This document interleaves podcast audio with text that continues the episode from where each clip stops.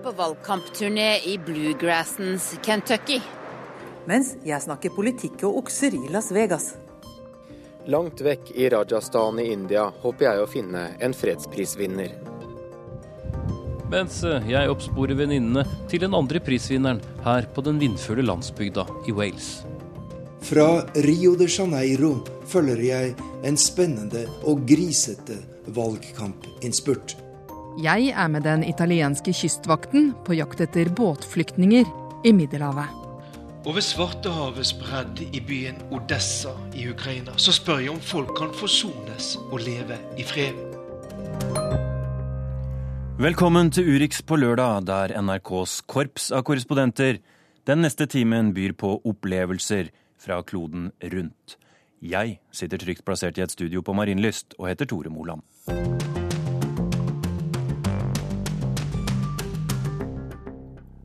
Og vi begynner langs landeveien i Kentucky. Om en drøy uke er det kongressvalg i USA, men president Barack Obama er så upopulær at han ikke får være med i valgkampen. Slaget står om Senatet, der en tredjedel av politikerne er på valg, og der demokratene står i fare for å miste sitt flertall. Men tilliten til Kongressen i folkedypet er fullstendig tynnslitt. Sofavelgere blir trolig den største velgergruppen.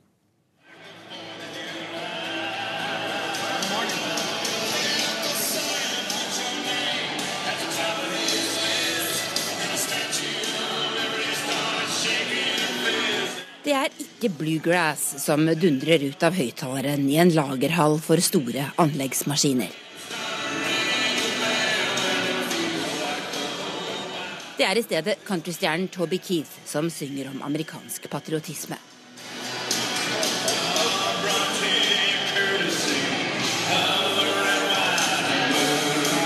Låta 'Courtesy of the Red, White and Blue' brukes veldig ofte på republikanske valgkamparrangementer. En strofe går som følger på originalspråket. You'll be sorry that you messed with the USA. We'll put a boot in your ass. It's the American way. Vi er i Ashland, Kentucky. Et lite tettsted nær kullgruver og toglinjer. Langt fra Washington og langt fra pengemakta. Men akkurat nå midt i det nasjonale rampelyset.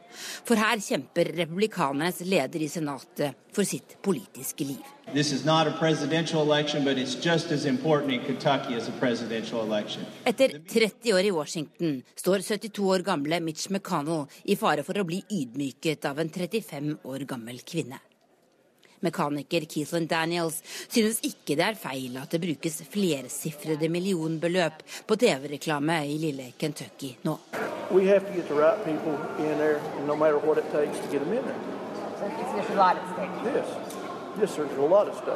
Mye, alt, står på spill i denne valgkampen, mener han.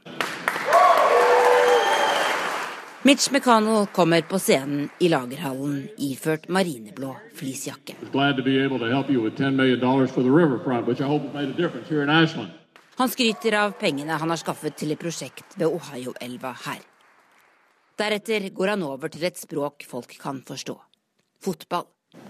Now, occasionally you can score on defense, but it's a lot harder. The offensive coordinator gets to call the plays and has a better chance of putting points on the board. Det er vanskelig å score når du spiller i forsvar, forklarer han. Han ønsker å bli majoritetsleder i Senatet. At demokratene skal miste sitt flertall. Now, of course, it is a huge advantage to have someone from our state setting the agenda Det ville være en kjempefordel å ha en fra vår delstat som bestemmer agendaen for landet, sier han. Grisgrendte Kentucky, som faktisk har flere kalkuner og hjortedyr per innbygger enn noen annen delstat i dette landet, er brått blitt helt sentral i amerikansk politikk. McConnell kjemper altså for sin jobb i Washington. Men den andre senatoren fra Kentucky, som ikke står på valg i år, nevnes stadig oftere som mannen som kan smadre Hillary Clintons drøm om Det hvite hus om to år. 51 år gamle Rand Paul er blitt en nasjonal stjerne vi skal følge nøye med på. Men nå handler det altså om Mekano. Vi har kjørt fem timer Forbi whiskydistillerier og hestefarmer til den andre siden av Kentucky. Der venter en lang kø på å slippe inn på et valgmøte. Um, I for Kentucky to send a woman to the Senate, and I don't think that Mitch McConnell has done anything to help Kentucky. Jeg synes det er på tide vi sender en kvinne til Senatet. Mitch McConnell har hatt 30 år på seg til å gjøre livene våre bedre, og han har ikke lykkes, sier Sean Owens. Yes? En halvtime senere kommer en kvinne i knallgrønn dressjakke på scenen. 35 år gamle Alison Grimes er ikke en veldig erfaren politiker. Men hun har klart å forstyrre Mitch McCollens planer om et lett gjenvalg. Hun utnytter den økende forakten mot politikerne i Washington for det den er verdt. Men én ting nekter hun å fortelle velgerne. Hvorvidt hun stemte på to give an answer on whether or not you voted for President Obama?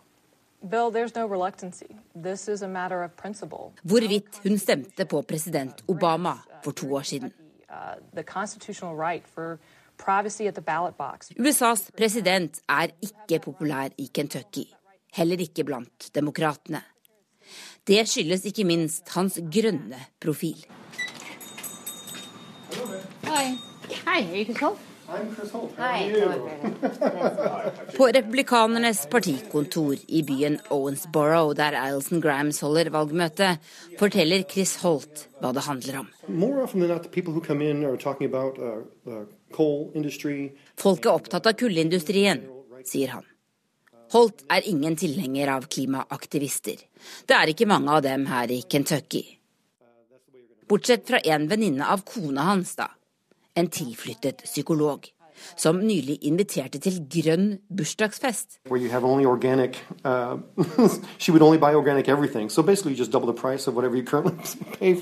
Alt var økologisk på den festen.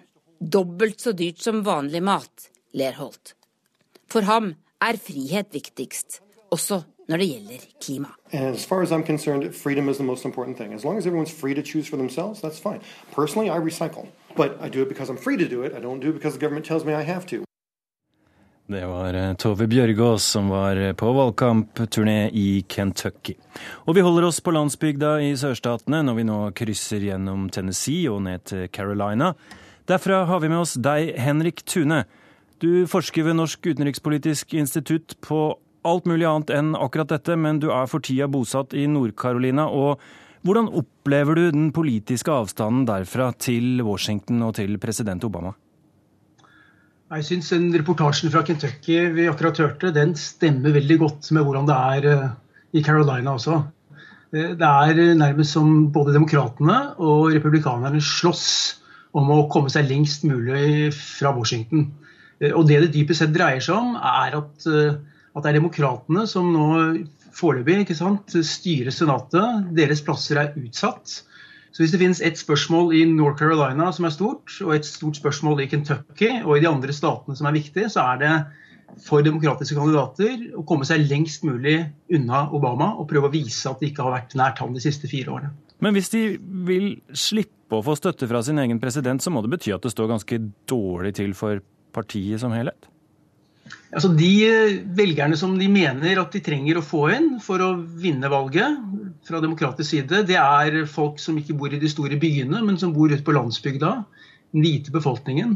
Og de er bredt sett i denne delen av USA veldig lite eh, stemt på å stemme på noen som har vært nært Obama. Så, så Obama er på en måte et sånn non-go-sone for veldig mange av disse. Så er Dilemmaet er at det som egentlig kan forandre dette valget for demokratene, det er eh, de svarte velgerne. Og der er Obama populær. Sånn at i denne staten hvor jeg er, eh, hvor det er en som heter Kay Hagen, som er eh, demokrat, og som er senator for øyeblikket og blir utfordret av en som heter Tom Tillis, så står hun i det valget mellom å trekke Obama hit for å trekke stemme fra de svarte, eller holde Obama unna for å trekke stemme fra de hvite. Hva velger hun å gjøre i en slik situasjon? Hun, hun holder Obama veldig langt unna. Men bare dette ene senatssetet i Nord-Carolina der du er, der brukes det over 100 millioner dollar på å kjempe om et sete. Det er jo en helt avsindig pengebruk. Står det i forhold til eh, den folkelige interessen og den politiske gevinsten? det er ganske liten interesse for, eh, for valget. Det er, det, er ikke, det er, ikke, merkbart mange steder. Man ser det på skiltene som er satt rundt typisk ikke sant, på gressplenen rundt omkring. Men det er egentlig reklamesnuttene uh, som går på TV som er, er, valgkampen. Og det er det som koster penger.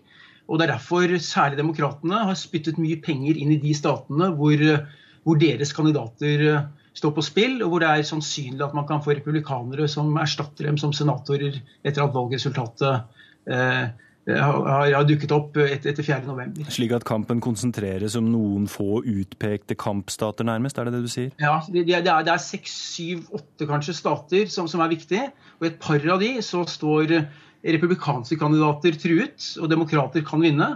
Men i de fleste, i seks, syv, så er det demokratene som er utsatt. Og det er deres plasser som må forsvares. Og det er der kampen egentlig står. Uh, Representantenes hus tror jeg man regner med er tapt fra demokratisk side. Uh, men Senatet håper man at man skal kunne, kunne fortsatt ha flertall i. Hva tror du om Obamas eh, to siste år som president etter dette mellomvalget 4.11., da? Altså, jeg tror synet på Obama er veldig delt. Altså, Obama har gjort noe som er historisk. Han har fått gjennom en helsereform som selv hans argeste motstandere tror jeg ser på som som noe veldig viktig. Så det å bygge den type store prosjekter i amerikansk politikk er vanskelig, om man har fått det til. Men, men jeg tror han på mange måter har, har, forlatt scenen i forhold til Kongressen. Det ser ut som han nå styrer gjennom det som kalles uh, executive power, og som er en begrenset form for makt han kan bruke uh, ved siden av uh, lovforslag som kan kjøres gjennom Kongressen. Det er ikke så mye han kan gjøre på den måten, men det ser ut som det er det han begrenser seg til. Så han han tror jeg har innrømmet at det er ikke så mye stort han kan gjøre de siste to årene. Men han kan prøve å løfte opp en del mindre, ofte symbolske saker som er nært det han kom inn i amerikansk politikk med for, for åtte år, år, år siden. Henrik Tune med oss fra Chapel Hill i Nord-Carolina. Vi har eh, to NRK-korrespondenter i USA. Gro Holm har fått besøke Las Vegas denne uka. Der var folk mest opptatt av helt andre ting enn politikk.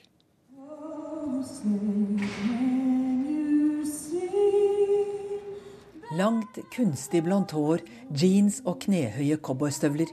Hun har fått æren av å synge USAs nasjonalsang ved åpningen av en av de siste rundene i verdensmesterskapet i rodeo, eller okseridning, her i Las Vegas.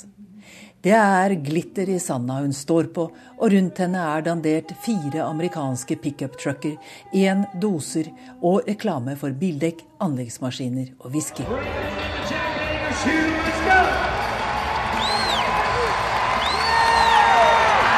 Én og én ropes rytterne og oksene ut på arenaen.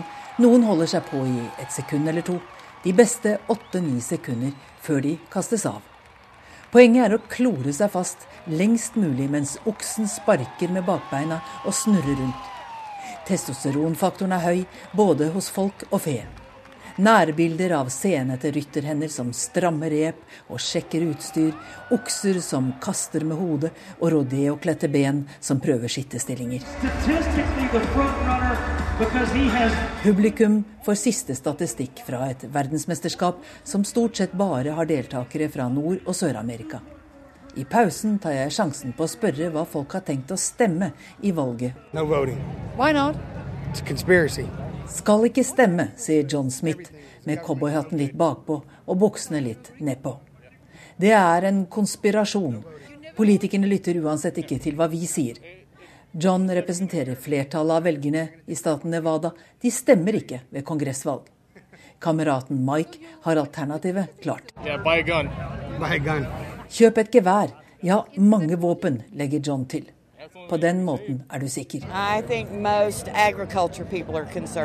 De fleste bønder er konservative.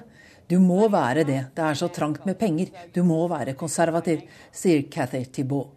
Hun og mannen har tre okser med i verdensmesterskapet, og de stemmer republikansk. Men Las Vegas er kanskje mer kjent for pengespill enn for okser. Og ved et par av de enarmede bandittene treffer jeg et par godt voksne damer fra Nashville, Tennessee. We just won over at uh, New York, New York. Did you win anything there? 150. Vi vant akkurat 150 dollar over på hotellet New York, New York, sier Doris på 78. Hun bruker i snitt 250 dollar dagen på ulike spill, Og hun har et klart mål. Uh,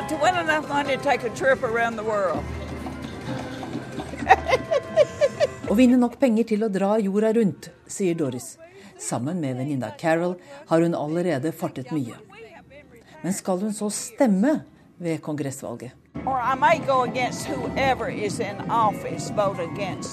Jeg vil stemme imot enhver som sitter med makta, sier Doris, som egentlig er demokrat, men misliker Obama sterkt. Derfor har hun ikke bestemt seg for om det blir demokratisk eller republikansk ved kongressvalget om et par uker. Men én ting er soleklart. Når det gjelder egen lykke, har Doris mer tro på spilleautomatene enn på valgte politikere.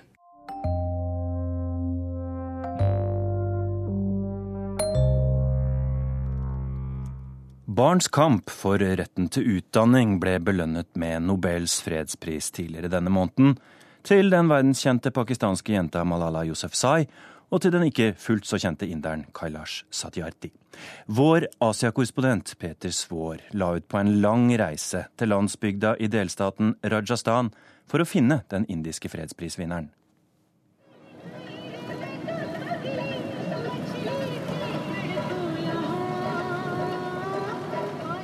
På svingete veier i baksetet på en gammel indisk firehjulstrekker. Vi er på vei til Balashram, et senter for frigitte barneslaver 15 mil fra delstatshovedstaden Jaipur. Gutten i forsetet, Sunil Kumar, var en av dem.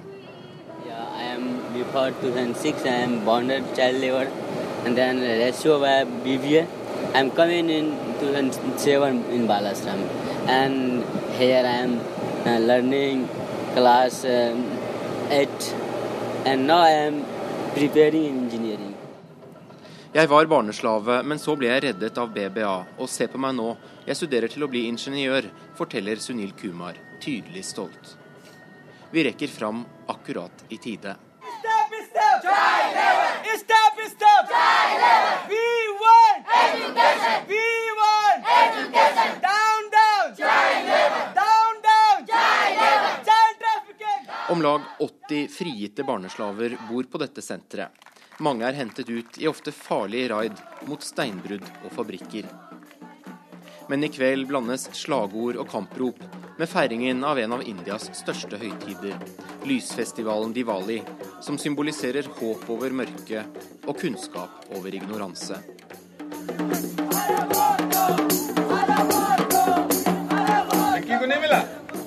ये पुरस्कार किस किस को मिला I am asking that who has won this Nobel prize It's just me or who else? So they are raising hands.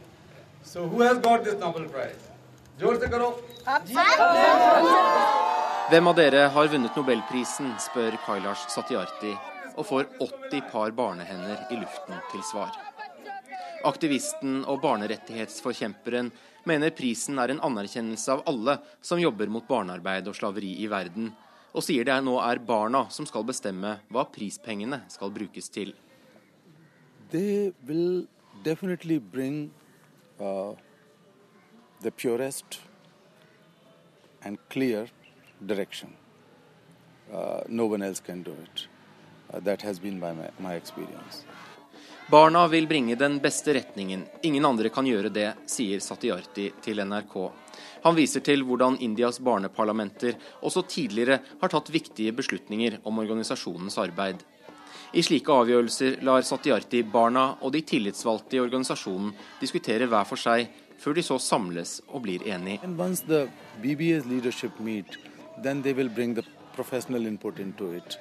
Um, the financial management input into it. So the, the, when they merge together, then it becomes the whole picture. मेरा गीत अमर कर दो अब बजा Det er kona Sumedra som står for den daglige driften av dette senteret. Og hva er det viktigste et barn som kommer hit trenger, spør jeg henne. Love. Only love. We thought uh, love is very important for children. And with the love, you change everything in the, their parents' personality. And you can see it in their faces? Yeah, on their faces. It's shown uh, immediate.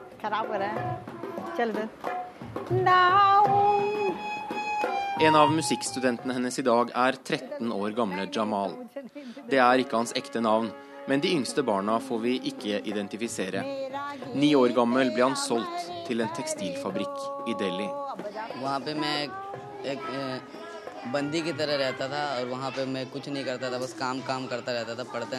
Jeg var som en fange i fabrikken, forteller han. De andre barna var også fanger der. Vi gjorde ikke annet enn å jobbe 14-15-16 timer om dagen. Slik er det ikke her, forteller han med hevet hode og fast blikk. Han skal studere juss når han blir litt større. Arbeidet med å redde ut disse barna er farlig, og flere av Satyartis medarbeidere er drept i sammenstøt med de væpnede kriminelle gjengene og mafiaen som styrer Indias handel med barn. I dag gjør Kailash Satyarti et poeng av at han selv deltar på de farligste raidene, og han tar også med seg sin egen sønn. Blir du noen gang redd, vil jeg vite. Not really. I was never scared for that. And I always feel uh, I'm not a conventional religious person, but I'm driven by the deepest virtues and values of spirituality. And I believe in that, so I'm not going to die. I, I, I never died in my life, and I will never die in my life. Meterhøye brenninger dundrer inn fra Bristol-kanalen mot St. Donuts-bukten i Sør-Wales. På en eh, bakketopp klamrer St. Donuts-borgen seg fast, slik den har gjort siden 1200-tallet.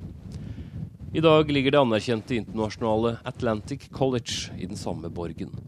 Vi har reist hit til denne internatskolen i forbindelse med årets andre fredsprisvinner, Malala Yousufzai.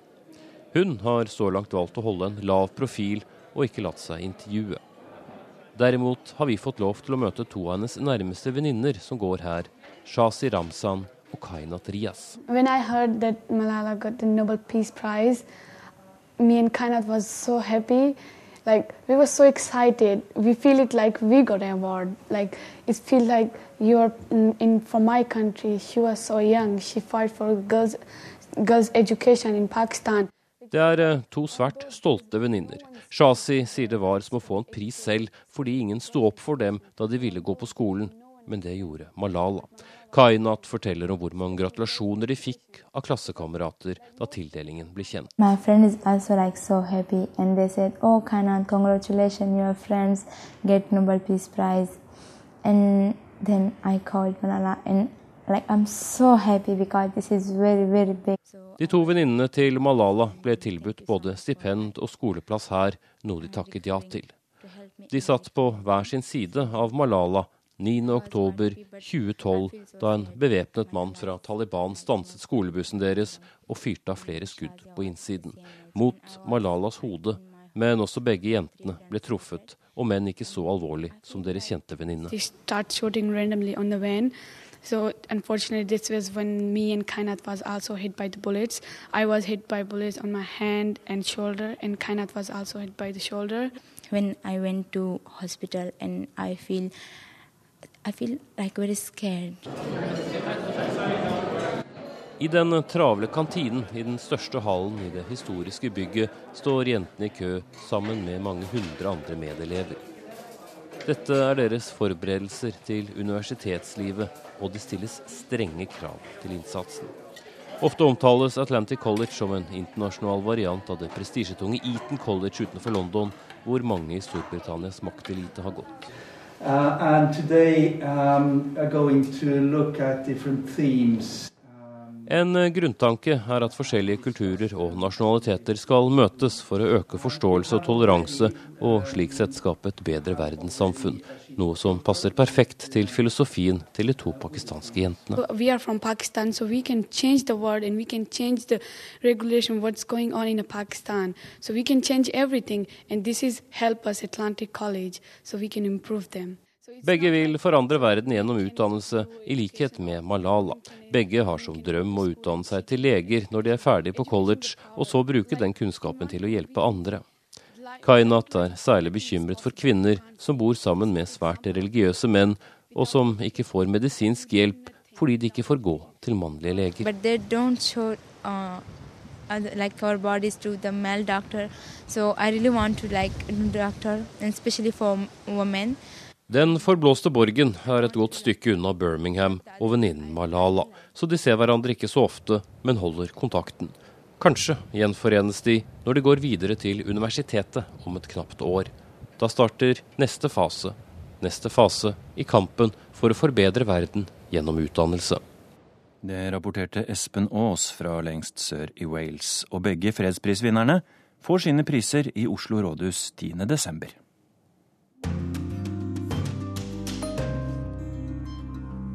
Klokka nærmer seg halv tolv. Du hører på Urix på lørdag. Snart skal vi reise 40 år tilbake i tid og møte redaktøren som blir kalt den viktigste i pressehistorien. If Ben didn't exist, we'd have to invent him.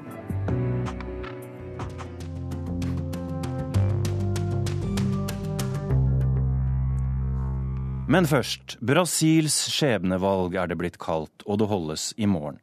Etter en lang og til tider svært skitten valgkamp blir det avgjort hvem som skal være president i Brasil de neste fire åra. Dilma Rousef eller Aesio Neves. I går kveld var det siste debatt de to imellom. Det er kanskje TV-debattene brasilianerne først og fremst vil huske. Ikke for sitt innhold og sin informasjonsverdi, men for sine sjikaner og for det hatske forholdet mellom kandidatene Aesio Neves fra sentrum Høyre og Brasils sittende president Dilma Rousef fra Arbeiderpartiet. Todos os anos 40 mil pessoas morrem Hvert år blir 40 000 mennesker drept i trafikkulykker her i Brasil. Og i svært mange tilfeller er sjåføren ruspåvirket, sier Dilma Rousseff. Et tilsynelatende relevant og naturlig tema å ta opp i en valgkamp. Men de aller fleste brasilianere vet at hensikten er å ramme motstanderen Aesio Neves personlig. Han ble nemlig stoppet i en promillekontroll for noen år siden og ble fratatt førerkortet da han nektet å ta testen. Og Neves reagerer voldsomt. A senhora traz nesse debate, talvez pelo desespero, né, e deturpar. Når du trekker inn denne saken, kanskje i desperasjon, er hensikten å sverte meg. Si rett ut hva du er ute etter. Jeg beklager det som skjedde den gang. Jeg har ingen problemer med å snakke om mine feil, i motsetning til deg, som aldri vil innrømme alle de feil din regjering har gjort, sier Aesio Neves fra sentrum Høyrepartiet PSDB. A sua campanha é a campanha da mentira. A senhora mentiu dizendo Mentira, løgn, er et ord som går igjen i TV-debattene mellom de to presidentkandidatene. Det er en verbal slåsskamp som på ingen måte er et stort demokrati verdig, og landets mest erfarne kommentatorer sliter med å huske en skitnere valgkamp her i landet. Det hagler med påstander om korrupsjon, maktmisbruk og nepotisme, og begge kandidater tegner skrekkbilder av motstanderen.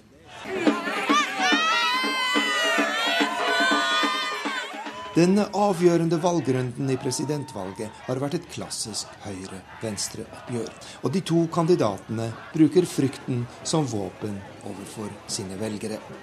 Dilma Rousef hevder at de fattige vil miste alt de har oppnådd av økonomisk fremgang de siste årene hvis sentrum Høyre kommer til makten, mens Aesio Neves vil ha velgerne til å tro at fire nye år med venstresiden blir en økonomisk katastrofe for Brasil.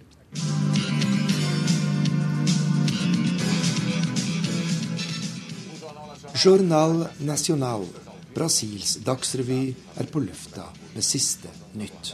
Mediehuset og Globo, sammen med store aviser som Folia do Sao Paulo og tidsskriftet Veja, utgjør en sterk høyredominans i mediene, en viktig side ved det brasilianske demokratiet. Og mediene står ikke tilbake for politikerne når det gjelder å bruke kraftuttrykk i valgkampen. Som her i Vejas TV-magasin, der det regjerende Arbeiderpartiet blir omtalt. E.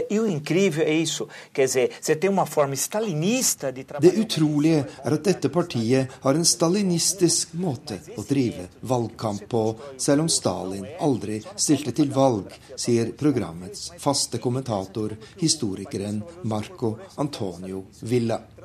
Arbeiderpartiet bruker stalinistiske metoder med å fremstille motstanderen på en måte som er løgnaktig, og bruker alle mulige former for propaganda for å få frem sitt budskap, sier kommentatoren.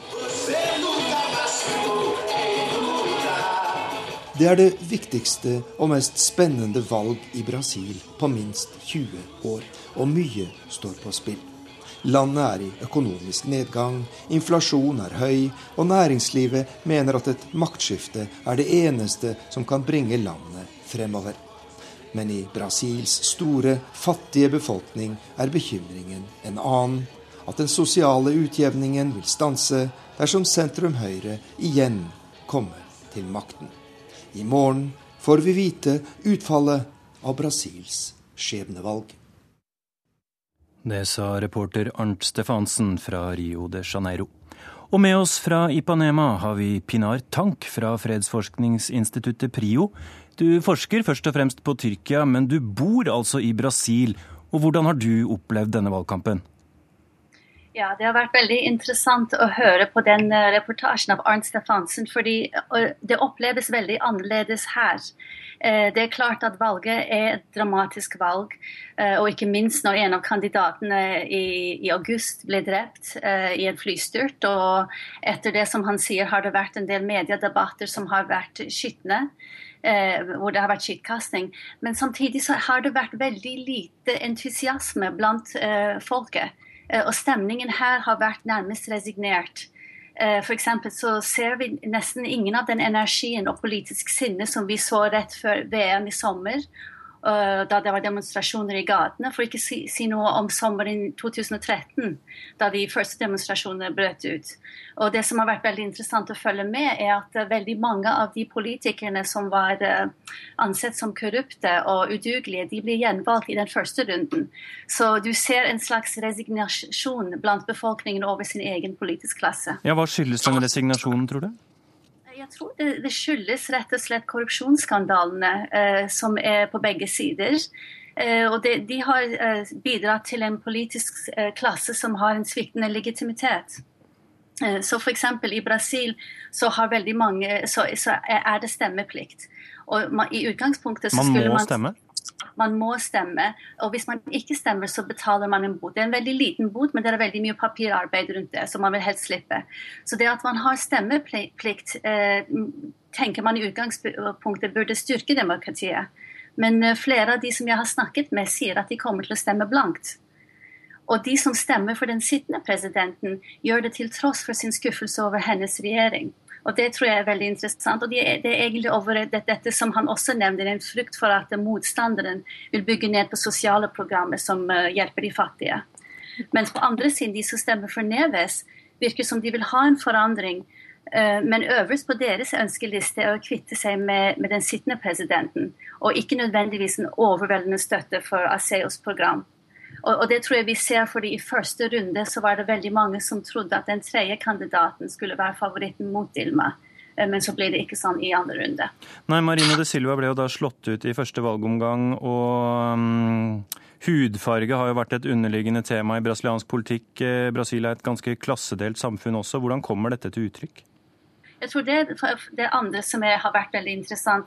Eh, du ser veldig tydelig at den, den privilegerte uh, hvite klassen stemmer på Aseo Neve sin PSDB, mens det, det, mer lavlønte, ofte fargede brasilianere stemmer for, for Dilma Rousef. Eh, og, og jeg, jeg, tror vel, Når vi snakker om det, dette valget som en valg mellom høyre og venstre, så føler jeg det mye mer en valg mellom fattig og rik, de privilegerte, de som ikke har privilegier. Og når vi snakker om f.eks. medias rolle, eh, slik dere tok det opp innledningsvis, så er media veldig mye dominert av den hvite, privilegerte klassen. Så det at de da ønsker å, å, å trekke opp Aseo Neves er egentlig veldig Ja, det stemmer med, med de som egentlig styrer media. Takk skal du ha, Pinar Tank, med oss fra Ipanema i Rio de Janeiro.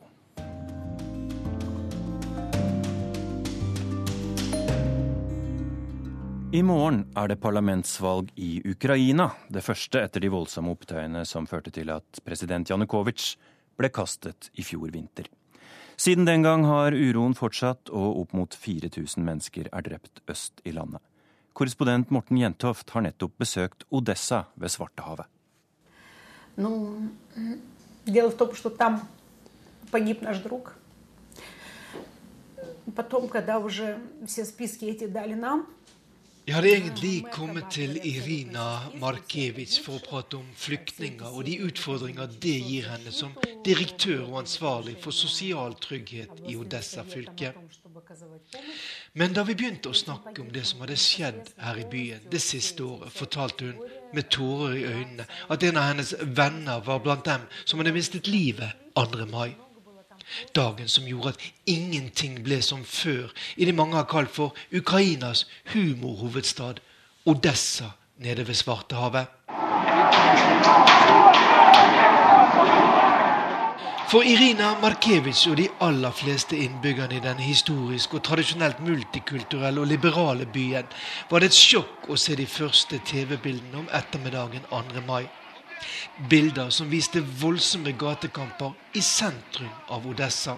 Mellom fotballsupportere som før en kamp på byens stadion marsjerte til støtte for et enhetlig Ukraina, og russiskvennlige separatister som lenge hadde demonstrert mot det de mente var overgrep fra de nye makthaverne i hovedstaden Kiev. Одесса как регион, э, на который смотрит, наверное, вся Украина. Odessa er et område som hele Ukraina følger med på. Her vi ligger mellom øst og vest, sier Irina Markevitsj. Vi har lange tradisjoner for å leve fredelig sammen. Derfor tror hun at det var noen høyt oppe som bestemte seg for å ødelegge den harmonien de tradisjonelt har hatt seg imellom her i byen. Продолжаем трансляцию с Куликова поля. Dette er stemmen til Sergej Dibrov, som er journalist, og som filmet alle hendelsene i Odessa 2. mai. For om gatekampene i sentrum av byen var brutale med seks døde, så skulle det bli enda verre da rasende pro-ukrainske demonstranter satte fyr på fagforeningshuset der de prorussiske demonstrantene hadde søkt tilflukt. Konflikten i Ukraina har vært brutal og blodig, men noen av de verste scenene utspilte seg i Odessa om kvelden 2. mai, da flere titalls mennesker døde i den voldsomme brannen inne i fagforeningshuset. Mange omkom også da de prøvde å kaste seg ut av vinduene. I alt døde 42 mennesker i eller utenfor fagforeningshuset. Хотя это известные довольно-таки люди, все знают, но Ну, следствие не- не установлено. некоторых, некоторых я проверил прямо здесь. Utenfor det utbrente fagforeningshuset på Kolikovo-plassen, litt i utkanten av sentrum av Odessa, møter Sergej Svetlana Naboko, som leder organisasjonen Golos Odessa, Odessas stemme, som kjemper for minnet og æren til de døde prorussiske separatistene, og for at de som satte fyr på fagforeningshuset, skal bli stilt for retten og dømt.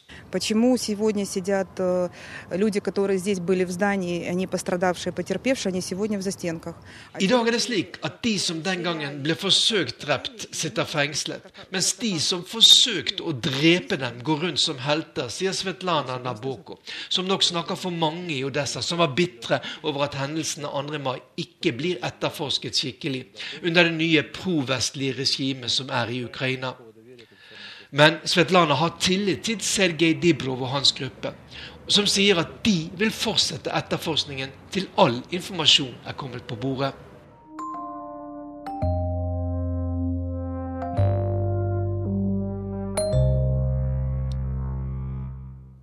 Hvis Ben Bradley ikke hadde eksistert, hadde vi vært nødt til å finne ham opp, sa kollegene om redaktøren sin. Bradley var redaktør for The Washington Post i åra da avisen sto bak avsløringer som fikk USAs president til å gå av. Denne uka sluttet redaktøren å eksistere. Han døde 93 år gammel. Joar Hoel Larsen ser tilbake. Since joining the Washington Post 65 years ago, he transformed that newspaper into one of the finest in the world. I fjor fikk han presidentens frihetsmedalje av president Barack Obama i Det hvite hus. For 40 år siden var han ansvarlig redaktør for Washington Post, som avslørte at USAs president Richard Nixon hadde opptrådt på en slik måte at han ville blitt avsatt om han ikke trakk seg selv. I shall resign the presidency effective at noon tomorrow.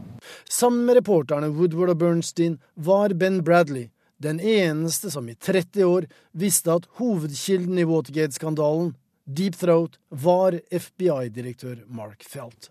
People talk to journalists for a reason. It's up to the journalist to understand that reason as best he can. And uh, uh, I think that, uh, that uh, we did understand uh, Mark Felt.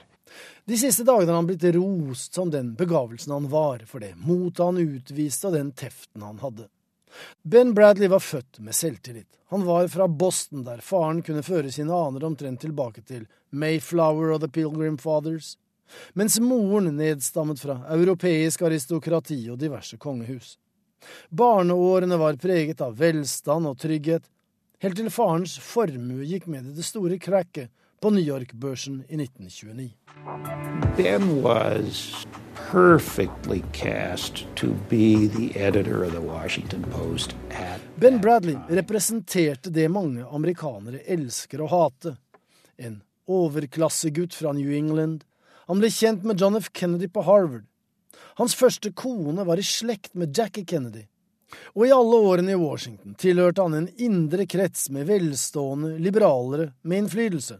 Pressefolk og politikere, kulturpersonligheter og diplomater. Men han gikk aldri på akkord. I Watergate-perioden viste han at det var journalist han var. It was a hell of a story, that's what it was. And it was waiting for somebody to turn the key. And Bob Han la aldri fingrene imellom, var ikke redd for noen og hadde ingen respekt for øvrighet eller myndighetspersoner.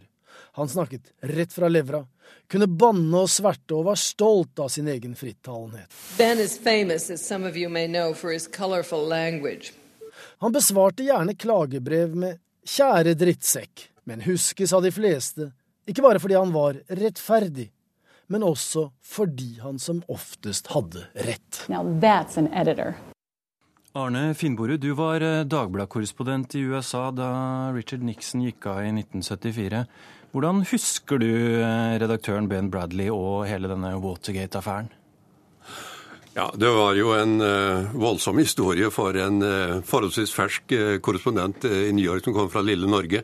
og Det litt spesielle da, oppå dette her, det var jo at Dagbladet hadde en avtale med Washington Post. Vi kjøpte stoffet deres, kom på sånn gammeldags Telex-maskin, og um, som kunde så ble jeg godt mottatt. Jeg hadde en kontaktperson i Washington Post, så jeg fikk også gå inn i dette svære kontorlandskapet og se på disse to reporterne som var i ferd da med å avsette Amerikas president.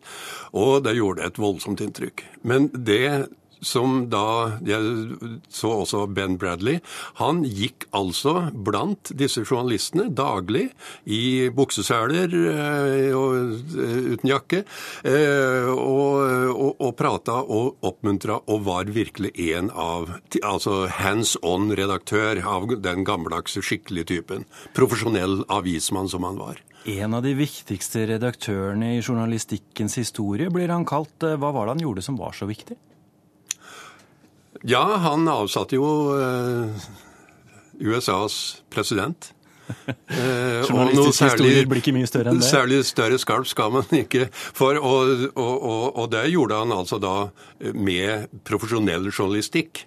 Det var ikke noe tull eller fanteri eller noen ting. Dette var, dette var det virkelig store treet i skogen. ikke sant? Men, men, ryktene vil ha det til at han først var skeptisk til hva disse unge journalistene Woodward og Bernstein kunne avsløre? Ja, eh, det starta jo i det virkelig små, da.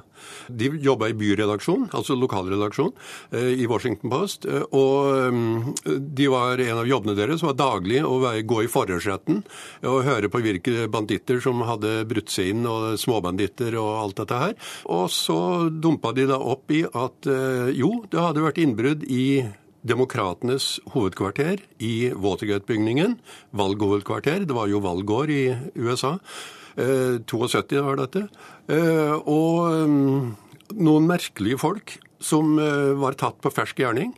Eh, snakka spansk, og så var det én som hadde en notislapp med seg. Og Der sto det telefonnummeret til Det hvite hus. Og, eh, og navnet på en ansatt i Det hvite hus. Og så hadde man det hele i gang. Og dette er jo da skildret uh, i filmen alle presidentens menn, selvfølgelig. Og Woodward og Bernstein har blitt stående igjen som journalistiske helter og ikoner. Og redaktør Ben Bradley uh, i, i noe mindre grad. Men du mener at det fins enda flere helter i denne historien? Og ja, noen da, som ikke har fått Ja da, det, det, er det. Og vi skal heller ikke glemme at eieren av Washington Post, Catherine Graham, sto jo bak eh, sin redaktør som bare det. Og det var, det var, ingen selvfølge.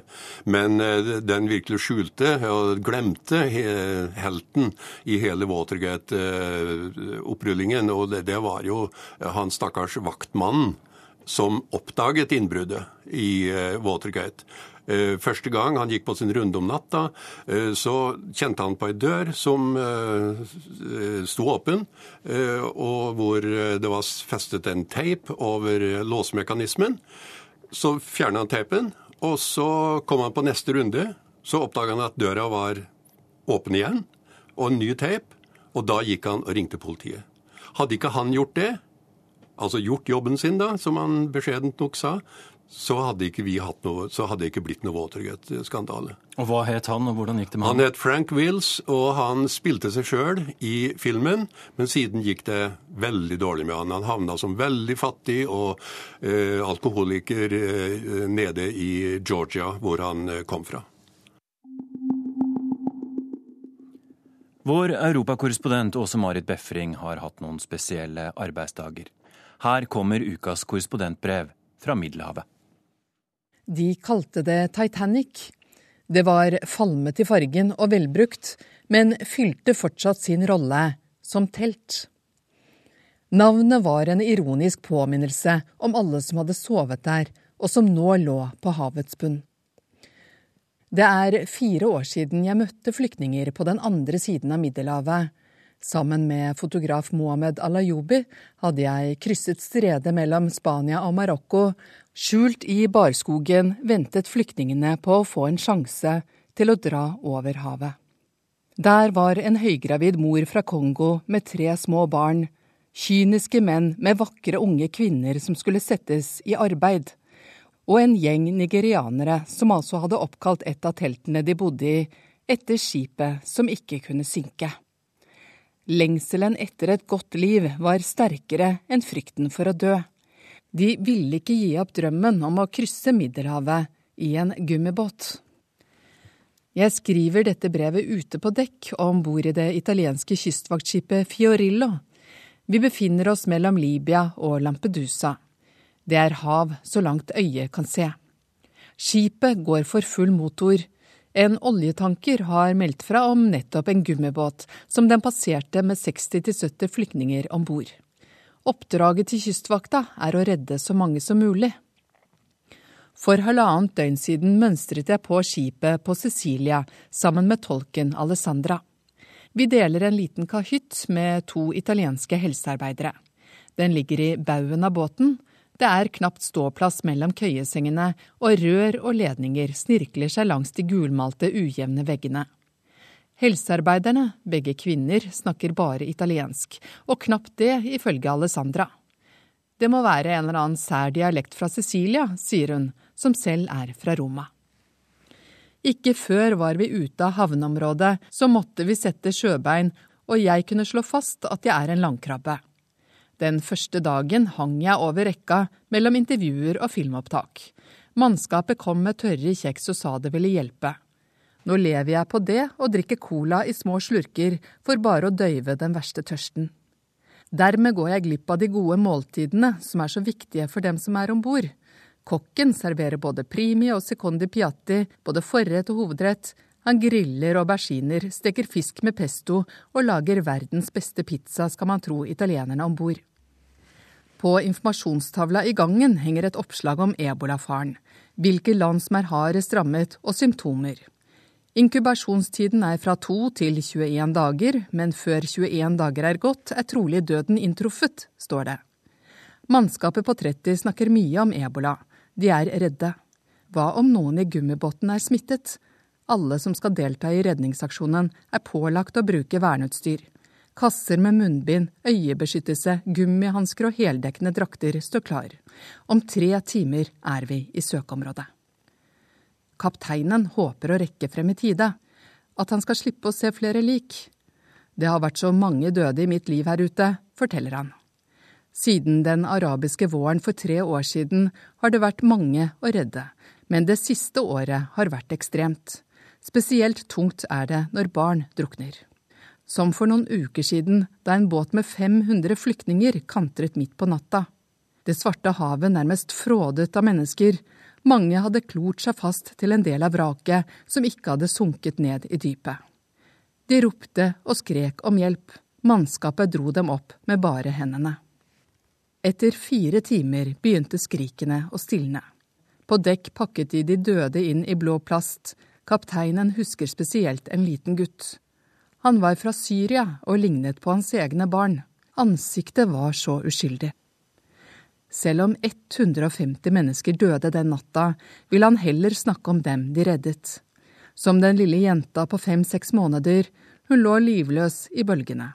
Lungene var fulle av vann, kapteinen satte i gang livredning, og snart begynte hjertet å slå igjen.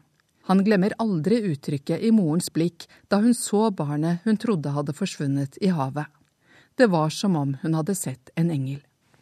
For ett år siden sto jeg selv på Lampedusa og rapporterte om døde flyktninger, om liklukt fra flyhangaren, om fiskeren som forsøkte å redde mennesker som strakk armene opp mot ham, for så å se at de forsvant under. Om dykkere som hentet opp omkomne fra den forliste båten. Flyktningene, de fleste kvinner og barn, hadde holdt rundt hverandre i døden og var stivnet i favntaket. Det var hjerteskjærende å se alle kistene med roser på lokket. Det fikk også italienerne til å reagere. I dag er det nøyaktig ett år siden de startet Operasjon Mare Nostrum, som ledes av den italienske marinen. De søker etter båtflyktninger i havområdet mellom Italia og Libya, og har i oppgave å bringe dem i land. Men nå er Fiorillo på sin siste tokt. Gummibåten flyter som en liten kork på vannoverflaten. Den synes ikke på noen radar fordi den ikke stikker seg ut, og ville neppe ha klart å krysse det enorme havet. Om bord er kvinner, menn og et lite barn. Redningsoperasjonen må gå fort. Det farligste er å nærme seg flyktningbåten, etter dager på sjøen kan de være så desperate at de kaster seg mot redningsbåten, slik at alle havner i vannet.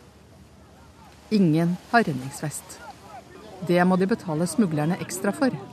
Svarte søppelsekker med redningsvester blir kastet over i gummibåten. Så reddes kvinner og barn først. Det lukter sand og svette. En kvinne kan knapt gå og må ligge i båten hun har blitt så hardt misbrukt at hofta er brukket. Flere er gravide. En mor gråter stille. Også andre lar tårene renne, ikke bare av lettelse. Den lille jenta ser seg forundret rundt på de hvitkledde, maskerte menneskene. Hva slags skapninger er det på dette ukjente, rare stedet? På dekk blir alle spylt mot heten, og det danner seg dammer av sand når den renner ut av hår, klær og ansikt. Flyktningene har ligget i skjul på stranda i Libya før de fikk ordre om å løpe til gummibåten. Menn som aldri har sett havet før, ble gitt roret og skulle styre mot nord med kompasset de fikk i hånda. Mot Europa. For turen hadde hver passasjer betalt nærmere 10 000 kroner, Smuglerne må ha innkassert over 600 000 kroner bare på denne ene lille båten. Når jeg snakker med dem, blir de redde. Vernedrakta hjelper ikke akkurat på tilliten. De forteller at de har reist alene, vekk fra sult, uro, krig. De forteller gjennom et hav av sårhet og smerte. Noen lar tårene renne, kanskje gråter de også over å ta endelig farvel med livet de kjenner, et liv som de nå legger bak seg for godt. De som står på broa og styrer kystvaktskipet, spør ut de som deltok i selve redningsoperasjonen. Hvilke land kommer de fra? Var det noen fra land der ebolaen herjer? Svaret er ja, og de har feber. De vil bli tatt til side når de ankommer land. Inne i skipet lukter det sprit. Alt desinfiseres. Det var ingen fra Syria i båtene, til tross for bølgene av syrere som har kommet over havet det siste året. De legger ikke ut i en gummibåt. Syrere har nemlig penger. Mannskapet snakker mye om syrere. Syrere har råd til å betale smuglere for å bli med i en gammel holk, og de har redningsvester. Det betyr tross alt større sjanse for å overleve den hasardiøse ferden over havet. Når syrere er om bord, drar de gjerne frem iPaden eller iPhonen og spør om wifi-kode, slik at de kan sende beskjed hjem om at de har nådd Europa. Noen spør også om nummeret på kahytten de skal sove i. Når de får beskjed om at de skal ligge på dekk, drar de frem ruller av eurosedler. Det står i sterk kontrast til de fattige flyktningene fra land sør for Sahara, de som nå sitter på dekk med fillete bukser som knapt henger på de magre kroppene. Når kvelden kommer, får flyktningene beskjed om å gjøre seg klare til å bore et annet skip. Kystvaktskipet Fiorillo skal patruljere enda noen dager i farvannet utenfor Libya. En annen båt har også flyktninger om bord og kan ta med seg alle til Italia.